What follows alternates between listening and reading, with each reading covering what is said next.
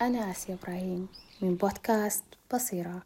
نستكمل السلسلة الرمضانية باسم الله العزيز. لمرات كثيرة شعرت أن الله يحبني كثيرا. لمرات كثيرة رفعت يدي وقلت بخشوع وتأني رب العزيز.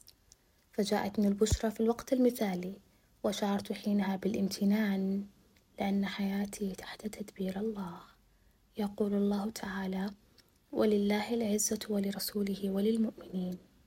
وبقدر إيمانك بالله واستجابتك لله يرفعك الله ويعزك.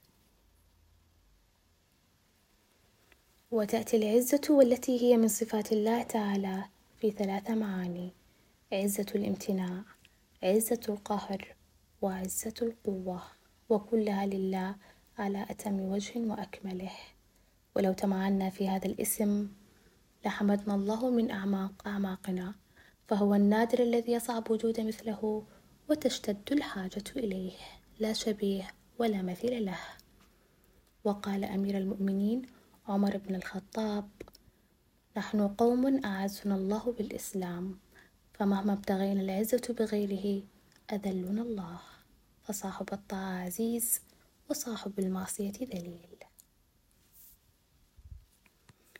كيف كنا سنعيش ونحن الضعفاء والفقراء في عالم تحاصرنا فيه المخاوف والمتطلبات وممتلئ بالخيبات وتعسر الأمنيات؟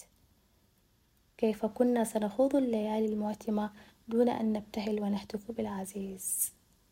إن الطمأنينة التي تتسلل إلى قلبك وأنت تنظر للسماء وأنت تستلقي على سريرك ليلا وأنت تسمع صوت المطر كل هذا بتقدير العزيز الجليل.